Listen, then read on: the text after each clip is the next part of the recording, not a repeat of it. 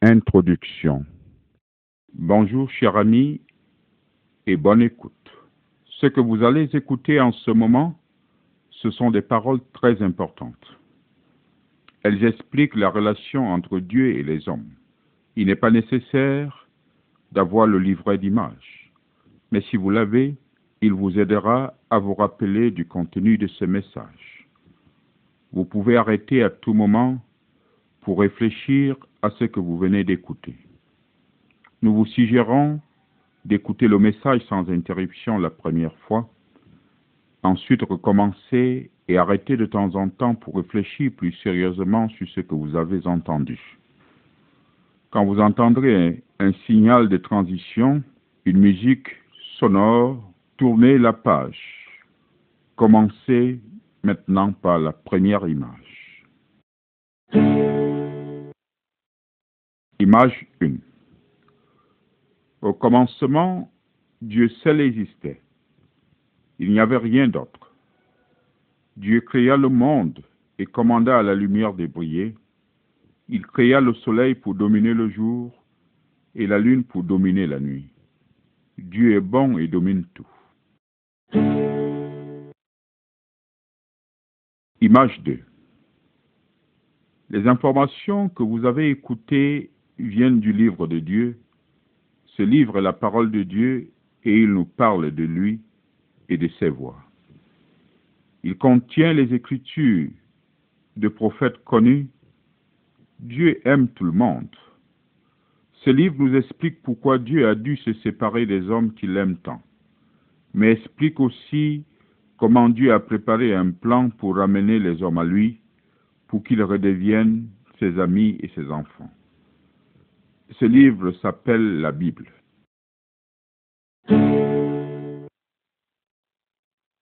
Image 3. Tout a été créé par la parole de Dieu, tout a été fait comme il a dit. Dieu a dit que cela soit, et cela fut ainsi. Il parla et créa le ciel, la terre et la mer. Ensuite, il créa de la même façon les êtres vivants, les poissons dans l'eau, les oiseaux dans le ciel et tous les animaux. C'est à travers sa parole que Dieu créa toutes ces choses. Dieu était satisfait de tout ce qu'il avait créé et vit que tout était bon.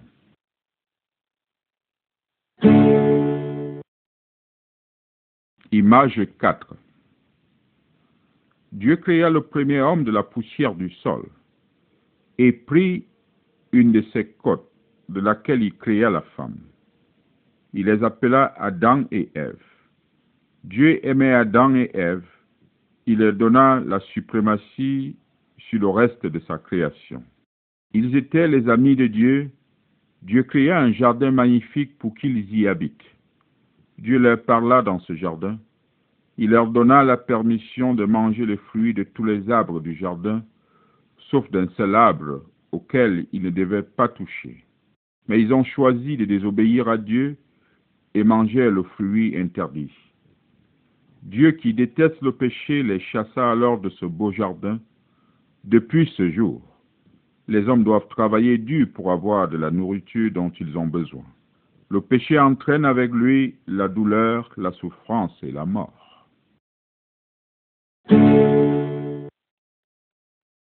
Image 5 Adam et Ève avaient deux fils. Leurs noms étaient Caïn et Abel. Caïn était jaloux d'Abel. Alors un jour il le tua. Dieu punit Caïn pour ce qu'il avait fait. Dieu est très attristé quand quelqu'un pêche. C'est le péché qui nous a séparés de Dieu. Il ne pouvait plus y avoir cette amitié que Dieu désirait entre lui et les hommes.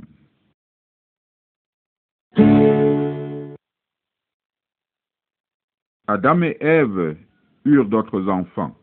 Ainsi plusieurs générations se succédèrent. Il y avait maintenant beaucoup d'hommes. Tous descendaient d'Adam et Ève. Tous avaient désobéi à Dieu. Ils devenaient de plus en plus méchants. Leur péché était si grand que Dieu décida de les détruire tous dans un déluge.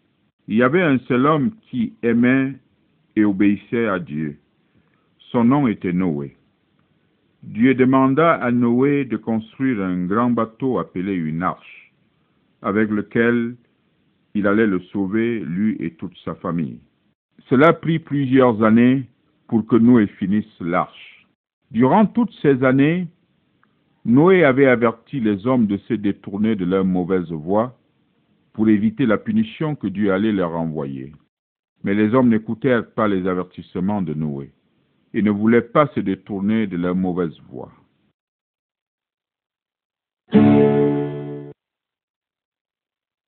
Image 7. Dieu fit venir les animaux de chaque espèce à Noé, et il les prit avec lui dans son bateau. Noé, sa femme et leurs trois fils avec leurs femmes entrèrent aussi dans l'arche. Il y avait huit personnes dans l'arche avec les animaux. Dieu ferma la porte. Sept jours passèrent et les eaux du déluge recouvrirent la terre. En quarante jours, Dieu avait inondé la terre entière. Il était trop tard pour ceux qui étaient au dehors. Tous périrent noyés, mais Noé et toute sa famille étaient en sécurité dans l'arche, parce qu'ils avaient cru à ce que Dieu leur avait dit et lui avait obéi.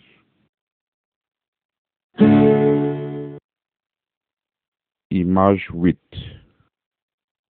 Plusieurs années passèrent et la descendance de Noé devint plusieurs tribus. Abraham était l'un de ses descendants. Lui aussi était un homme qui aimait et obéissait à Dieu. Dieu promit à Abraham que sa descendance deviendrait une grande nation. Abraham et sa femme Sarah n'avaient pas d'enfants, mais ils croyaient en la promesse de Dieu. Âgés, ils eurent un fils qu'ils appelèrent Isaac. Dieu promit d'accomplir quelque chose de très particulier à travers Isaac et sa descendance. Abraham eut d'autres enfants avec d'autres femmes. Un de ses enfants s'appelait Ismaël. Il devint le père des nations arabes.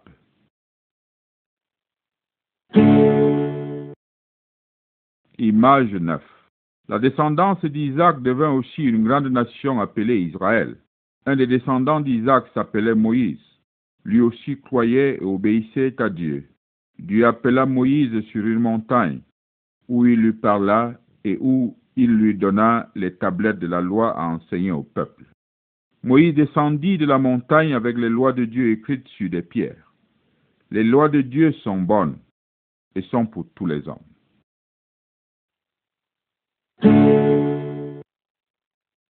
Image 10. Les lois que Dieu a données à Moïse sont pour le bien-être de l'humanité. Ces lois nous recommandent d'aimer, adorer le seul vrai Dieu et de lui obéir. Nous ne devons pas fabriquer des idoles et nous incliner devant elles. Nous ne devons pas prendre le nom de Dieu en vain de façon irrespectueuse. Chacun doit consacrer un jour par semaine pour se reposer et adorer Dieu. Les enfants doivent obéir et honorer leurs parents. Nous ne devons pas tuer, nous ne devons pas commettre d'adultère, nous ne devons pas voler, nous ne devons pas faire des fausses accusations, nous ne devons pas désobéir, nous ne devons pas désirer les biens d'autrui.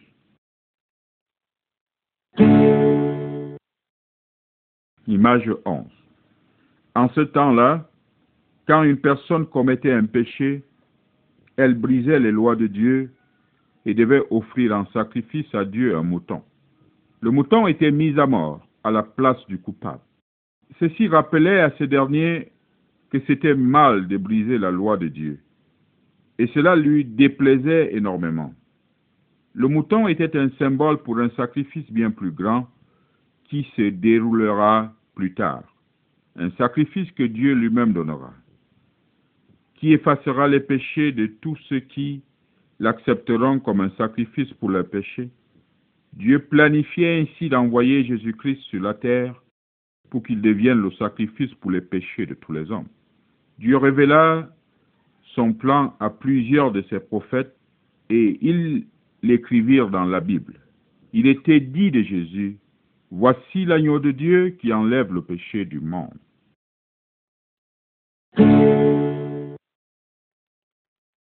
Image 12. Jésus est né d'une façon unique. Un ange des cieux fut envoyé à une vierge appelée Marie. Marie était fiancée ou une femme promise en mariage à un homme nommé Joseph. L'ange annonça à Marie qu'elle serait enceinte sans qu'elle ait besoin d'avoir de relations avec un homme. Marie savait que Dieu avait le pouvoir de créer les cieux et la terre uniquement par une simple parole. Elle savait qu'il pouvait faire ce qu'il avait promis, alors elle le crut. En quelque sorte, Dieu était le Père de Jésus. L'ange apparut aussi à Joseph dans un rêve. Il lui expliqua que Marie n'avait pas été avec un autre homme, mais que Dieu allait faire quelque chose d'exceptionnel avec elle. L'ange ordonna à Joseph et à Marie d'appeler leur enfant Jésus, ce qui veut dire le Sauveur. Joseph obéit à Dieu en toutes choses. Image 13. En ce temps-là, le roi Hérode avait ordonné que chacun retourne dans sa propre ville pour se faire recenser. Marie et Joseph retournèrent donc dans leur ville, Bethléem. Ils ne trouvaient personne qui avait de la place pour les loger. Toutes les maisons étaient pleines. Alors ils restèrent dans une étable avec des animaux. C'est là que Marie donna naissance à Jésus. Cette nuit-là, un ange apparut à des bergers qui gardaient leurs troupeaux dans un champ il leur dit qu'un enfant particulier, celui qui devait devenir le sauveur du monde, était né près de là. Soudain, plusieurs anges apparurent dans le ciel, chantant et louant Dieu.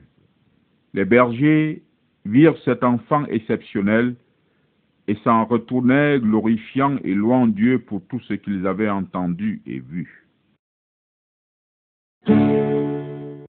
Image 14 la Bible ne nous dit pas grand-chose sur l'enfance de Jésus. Elle raconte que Marie et Joseph ont amené Jésus en Égypte pour éviter qu'il ne soit tué. Ensuite, ils retournèrent en Israël dans la ville de Nazareth. Jésus grandit en sagesse et en maturité, et la grâce de Dieu était avec lui. Marie et Joseph descendirent à Jérusalem avec Jésus qui avait alors douze ans. Il parla de Dieu avec les maîtres et les chefs religieux d'Israël. Il les écouta, leur posa des questions et répondit aux lecteurs. Ils étaient tous très surpris de sa grande connaissance de Dieu. À l'âge de trente ans, Jésus s'est mis à enseigner publiquement pour mieux faire connaître Dieu au peuple. Beaucoup crurent en son enseignement et il devint très connu.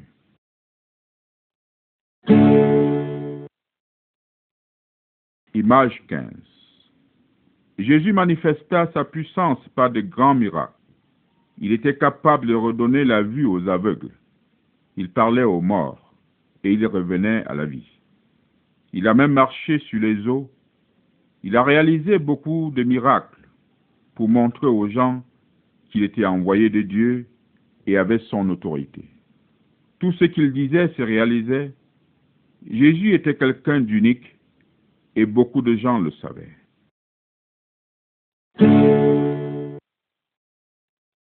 Image 16. Jésus faisait des choses merveilleuses et beaucoup de gens croyaient en lui et le suivaient.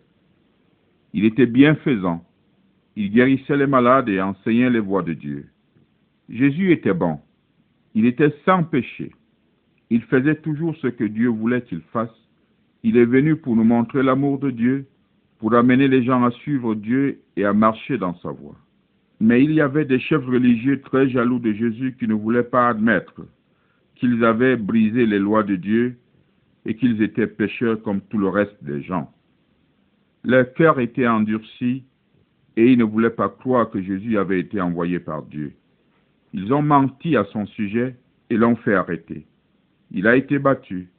Les soldats ont placé une couronne d'épines sur sa tête et se sont moqués de lui. Jésus aurait pu résister et arrêter tout cela, mais il ne l'a pas fait. Il était venu au monde pour devenir un sacrifice pour les péchés. Sa vie allait être sacrifiée pour les péchés de tous les hommes. Jésus a pris sur lui la punition que les gens méritaient. Image 17. Les soldats ont cloué Jésus sur une croix en bois où il est resté pendu jusqu'à sa mort. En ces temps-là, c'était la tradition de tuer les pires criminels de cette manière cruelle. Deux criminels avaient ainsi été mis sur des croix ce jour-là. Mais Jésus n'était pas un criminel. Il était innocent, il n'avait rien fait de mal. Il mourut pour les péchés des autres, non pour les siens. Il n'est pas seulement mort pour les péchés des gens de son temps, mais aussi pour les péchés de ceux qui viendraient plus tard. Sa mort enlève les péchés de tous ceux qui croient en lui et qui acceptent son sacrifice comme leur sacrifice. Quand Jésus mourut, il offrit le sacrifice parfait.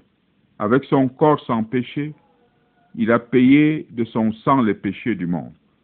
Dieu a dit qu'aucun sacrifice n'était plus nécessaire parce que Jésus était le sacrifice parfait. Image 18. Les ennemis de Jésus pensaient l'avoir tué, mais il n'en était rien. Après sa mort sur la croix, Jésus fut recueilli par un ami riche qui déposa son corps dans son propre tombeau tout neuf. On ferma l'entrée de la tombe avec une grosse pierre. Tôt le matin, le troisième jour, quelques femmes se rendirent au tombeau pour préparer le corps, comme le veut la tradition. Elles furent surprises de voir la pierre dégagée et que Jésus n'était plus là. Elles étaient encore plus surprises quand elles virent deux anges qui leur annoncèrent que Jésus était vivant. Ces messagers de Dieu leur affirmaient que Jésus était ressuscité d'entre les morts. Image 19. Après sa résurrection, Jésus réapparut à certains de ses disciples. Il leur parla et mangea avec eux. Thomas, un de ses disciples qui entendit parler de ce qui s'était passé, n'arrivait pas à croire que Jésus était vivant. Il dit, Si je ne vois dans ses mains la marque des clous, et si je ne touche ses blessures, je ne croirai point. Jésus lui apparut plus tard et lui dit, Parce que tu m'as vu, tu as cru. Heureux ceux qui n'ont pas vu et qui croient. Image 20. Pendant quarante jours, après que Jésus soit ressuscité d'entre les morts, il réapparut à certaines personnes. Beaucoup le virent et savaient qu'il était vivant. Il était temps pour lui maintenant de retourner au ciel. Il avait achevé le travail qu'il était venu accomplir. Jésus dit à ses disciples d'aller et d'annoncer à tout le monde et partout ce qu'il avait fait. Puis, devant beaucoup de ses disciples qui regardaient, Jésus s'éleva du sol et de plus en plus haut dans les nuées et disparut. Alors deux anges apparurent et annoncèrent aux disciples que Jésus reviendra un jour de la même manière qu'il est parti. Il est maintenant au ciel pour préparer une place pour tous ceux qui croient en lui et qui le suivent. Jésus est le chemin qui nous mène à Dieu. Image 21. Pourquoi Jésus est-il mort sur la croix? Il est mort pour sauver les pécheurs de l'ascension qu'il mérite. Jésus n'a jamais péché, il est mort pour enlever le péché qui nous sépare de Dieu. La croix nous rappelle que Jésus était l'agneau immaculé, pur et parfait de Dieu qui a été sacrifié pour nous. Nous croyons en Jésus et que nous nous repentons, c'est-à-dire que nous nous éloignons du péché, Dieu nous pardonne, Jésus fait de nous les enfants et les amis de Dieu. Image 22. Quand Jésus était sur la terre, il raconta beaucoup d'histoires pour aider les gens à comprendre les voies de Dieu. Il enseigna qu'il y avait deux chemins, tout le monde prend le plus souvent le chemin large du péché qui conduit à la destruction et à la mort. Nous avons tous une nature pécheresse que nous avons héritée d'Adam, le premier homme. Nous avons péché en faisant des choses déplaisantes aux yeux de Dieu. Jésus a dit que nous devions quitter le chemin large et entrer dans le chemin étroit qui mène à Dieu. On y entre en se repentant de nos péchés et en acceptant le sacrifice de Jésus sur la croix pour nos péchés. Pourquoi ne pas lui parler avec votre cœur maintenant? Dites-lui ceci. Dieu, tu es tout-puissant et sacré, mais je sais que je suis pécheur. Je confesse devant toi que j'ai péché. Je crois que Jésus est mort sur la croix pour moi et qu'il a payé pour mes péchés. Je te prie de me pardonner, de changer et de nettoyer mon cœur. Fais de moi un de tes enfants. Je veux suivre le chemin de Jésus et venir avec toi après ma mort. Merci mon Père. Amen.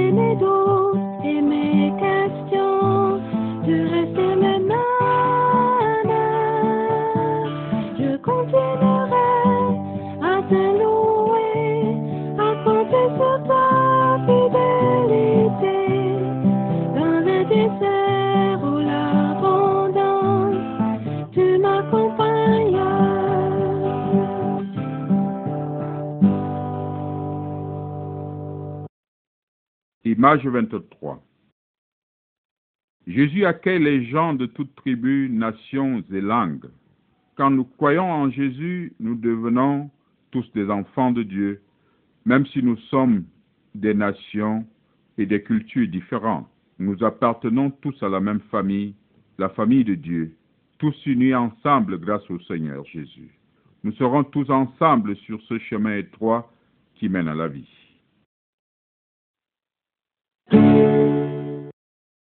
Image 24. Une nuit, un chef religieux nommé Nicodème vint parler à Jésus. Jésus lui dit quelque chose d'étrange. Il lui apprit que quiconque veut appartenir à la famille de Dieu doit être né de nouveau. Quand on entre dans la famille de Dieu, c'est comme naître une deuxième fois. La première naissance est physique, la deuxième naissance est spirituelle.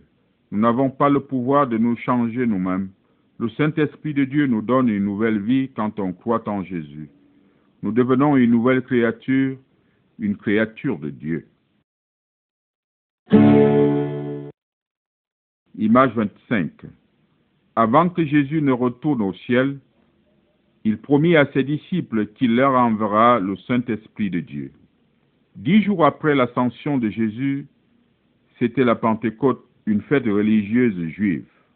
Les disciples de Jésus étaient tous réunis dans un même endroit. Tout à coup, des langues semblables à des langues de feu se posèrent sur chacun d'eux, et ils furent tous remplis du Saint-Esprit et se mirent à parler en d'autres langues. Or, il y avait en ces jours à Jérusalem des Juifs de toutes les nations qui se tonnèrent parce que chacun les entendait parler dans sa propre langue des merveilles de Dieu. L'Esprit de Dieu était tout puissant. Image 26. Avant de croire en Jésus, une personne est comme un homme qui marche dans le noir et trébuche. et souvent tombe dans le péché parce qu'il n'a pas de lumière pour le guider.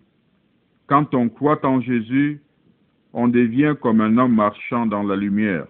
Et pour cela, Jésus a dit, Je suis la lumière du monde. Celui qui me suit ne marchera pas dans les ténèbres. Dieu donne son Saint-Esprit pour nous aider et nous guider dans les voies de Dieu. Image 27.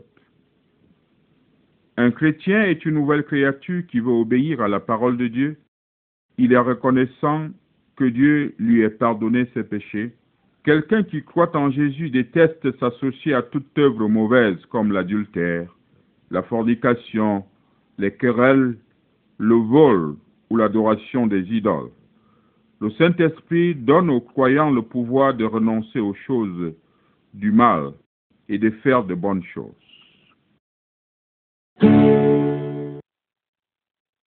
Image 28 Quand une famille marche sur le chemin de Dieu, l'homme aime sa femme et la femme honore son mari. C'est ce que commande la parole de Dieu. Ils s'entraident et élèvent leurs enfants dans l'obéissance à Dieu. Une famille chrétienne prie et travaille ensemble pour le Seigneur. Image 29 Jésus enseigna à ses disciples d'aimer tout le monde, même leurs ennemis. Nous devons aider les gens dans le besoin, même les gens d'autres nations ou ceux qui ont d'autres croyances que nous. Jésus raconta l'histoire d'un homme qui voyageait vers une autre ville. Des voleurs l'attaquèrent et le frappèrent. Un étranger trouva le voyageur sérieusement blessé. Il l'aida parce qu'il en avait besoin. Il ne demanda rien en retour.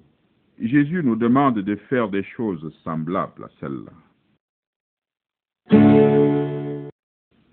Image 30.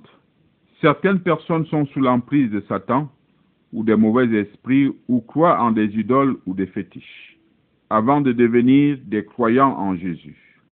Les fidèles de Jésus ne doivent pas côtoyer les mauvais esprits, les idoles ou les fétiches. Nous, les croyants, n'avons aucune raison d'avoir peur de Satan. Nous devons simplement demander à Dieu de nous protéger. Image 31.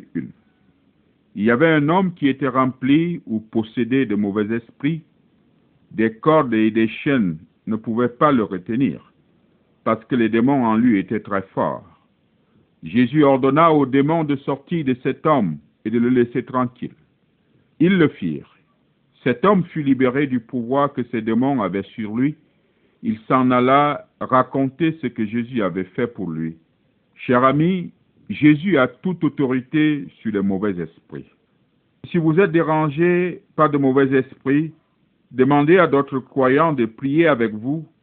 Demandez au puissant Seigneur Jésus-Christ qu'il vous libère. Si nous aimons et obéissons à Jésus, il habite en nous à travers son Saint-Esprit. Sa puissance nous protège. Image 32. Souvent, Satan essaye de tenter les enfants de Dieu d'arrêter de suivre le Seigneur Jésus. Satan veut que nous oublions Dieu. Il veut nous séduire avec des choses comme de l'argent, des vêtements, le tabac, l'immoralité sexuelle dans tous les sens et l'alcool. Satan veut nous faire croire que ces choses sont plus importantes que Dieu. Il veut nous faire croire que ces choses peuvent nous rendre heureux. Mais Satan est un menteur. Il essaye de nous troubler tout simplement et de nous retourner contre Dieu. Le Saint-Esprit nous aidera à résister à la tentation quand on croit et qu'on suit le Seigneur Jésus. Nous pouvons compter sur lui. Image 33. Jésus raconta cette histoire, je cite. Après avoir pris sa part de l'héritage, un jeune homme partit loin de chez lui, il dépensa tout l'argent que son père lui avait donné et pécha misérablement. Il y eut une famine dans le pays et il devint pauvre et affamé. Il était désolé d'avoir péché et retourna voir son père pour lui demander pardon. Son père l'aimait énormément et il l'accueillit de nouveau. Cette histoire nous explique que si nous péchons, Nous devons nous repentir sincèrement parce que Dieu nous aime tellement et grâce au sacrifice que Jésus a fait pour nous, Dieu peut nous pardonner et nous accueillir à nouveau. Image 34. Que doivent faire les enfants de Dieu quand ils tombent malades? Nous dirons tout simplement qu'ils peuvent prier Dieu au nom de Jésus et croire qu'il fera ce qui est le mieux pour eux. Ils ne doivent pas prier quelqu'un ou quelque chose d'autre, ou se tourner vers la magie ou le fétichisme. Dieu est capable de guérir le malade, s'il le veut, ou de l'aider à trouver le remède nécessaire. Dieu nous aime et nous ne devons pas avoir peur. Jésus est avec nous pour nous apporter la tranquillité dans les moments de crainte. Image 35. Nous savons tous qu'un jour nous allons mourir. Mais qu'y a-t-il après la mort? La Bible, parole de Dieu, dit que quand un chrétien meurt, son esprit va avec le Seigneur Jésus-Christ. Ses amis ne doivent pas être accablés par la tristesse comme le feraient ceux qui ne croient pas. Nous ne devons pas avoir peur de la mort parce que nous savons que Dieu nous aime et qu'il nous a sauvés de nos péchés par notre foi en Christ qui fut offert en sacrifice pour nos péchés. Ceux qui rejettent Jésus n'auront pas la vie éternelle avec Dieu après la mort, mais iront dans un lieu de châtiment parce qu'ils ont refusé le chemin qui leur était offert par Dieu. Image 36. Chaque membre de notre corps a sa propre fonction, l'œil pour voir, l'oreille pour entendre, la bouche pour parler et manger. Tous ces membres travaillent ensemble. Si l'un d'entre eux est malade ou blessé, le corps entier est affecté. Dieu dit que les croyants font partie d'un seul corps, qui est appelé l'Église. Le Seigneur Jésus est la tête de ce corps. Dieu utilise chaque chrétien pour un service particulier, par exemple, prédire, chanter, enseigner, cultiver ou cuisiner. Chacun doit travailler pour le Seigneur Jésus pour fortifier le corps tout entier. Tous les fidèles doivent s'aimer les uns les autres et travailler ensemble, sinon le corps sera fragile. Image 37. Tous les croyants doivent essayer de se réunir régulièrement avec d'autres pour adorer Dieu. Nous apprenons à partir de la Bible, nous chantons des hymnes et nous prions. Nous devrions aussi apporter des dons pour le travail ou l'œuvre du Seigneur. Dieu nous demande aussi de nous rappeler de la mort de notre Seigneur Jésus. Ses enfants partagent le pain et le vin. Le pain nous rappelle le corps de Jésus qui a été brisé pour nous sur la croix. Le vin, quant à lui, nous rappelle son sang qui a coulé et qui nous a purifiés. Nous nous rappelons de sa mort de cette façon en attendant son retour comme il nous l'a demandé. Image 38 Un jour, le Seigneur Jésus reviendra sur terre, comme il a promis. Il viendra pour rassembler la famille de Dieu, les vivants et les morts. Nous irons tous rencontrer le Seigneur dans les airs et resterons avec lui pour l'éternité. Les non-croyants auront à subir le jugement de Dieu. Nous ne savons pas quand il reviendra, mais nous devons tous nous tenir prêts. Image 39. Comme un arbre fruitier produit des fruits, l'Esprit de Dieu produit des bons fruits dans la vie d'un croyant. Jésus a dit, Je suis le cep, vous êtes les serments, celui qui demeure en moi et en qui je demeure porte beaucoup de fruits. Le Saint-Esprit de Dieu vit et travaille dans nos cœurs. Les fruits que le Saint-Esprit produit en nous sont l'amour, la joie, la paix, la patience, la gentillesse, la bonté, la fidélité, l'humilité et le contrôle de soi ou la maîtrise de soi. Si les branches d'un arbre ne produisent pas de fruits, elles sont coupées. Elles meurent et sont brûlées. Les compagnons de Jésus doivent produire de bons fruits. Cela glorifie et honore notre Père céleste. Image 40. Jésus a dit à ses disciples d'aller annoncer la bonne nouvelle à toute la création. Celui qui croira sera baptisé et sera sauvé. Et celui qui ne croira pas sera condamné. Beaucoup de gens s'interrogent sur la foi chrétienne. Le chrétien croit en Jésus, en son incarnation, sa mort et sa résurrection. Il vit selon sa parole et ses commandements. Il croit que Jésus, par sa mort, l'a sauvé du péché, de la mort et du châtiment éternel. Il trouve dans l'Esprit Saint qu'il habite la force, la sagesse et le courage de vivre dans la volonté de Dieu et de témoigner de son amour. Cher ami, tout en espérant que ce message vous a intéressé et qu'il vous aidera mieux à comprendre ce en quoi les vrais chrétiens croient et comment ils doivent se comporter, vous devriez peut-être réécouter plusieurs fois ce message. Arrêtez à n'importe quel moment et prenez le temps de méditer chaque image. Posez-vous ces questions. Est-ce que j'ai accepté le sacrifice de Jésus sur la croix comme le sacrifice pour mes péchés? Est-ce que je fais la volonté de Dieu? Parlez à Dieu avec votre cœur. Il aime tout le monde. Il vous aime. C'est pour cela qu'il s'est donné lui-même en sacrifice pour vous.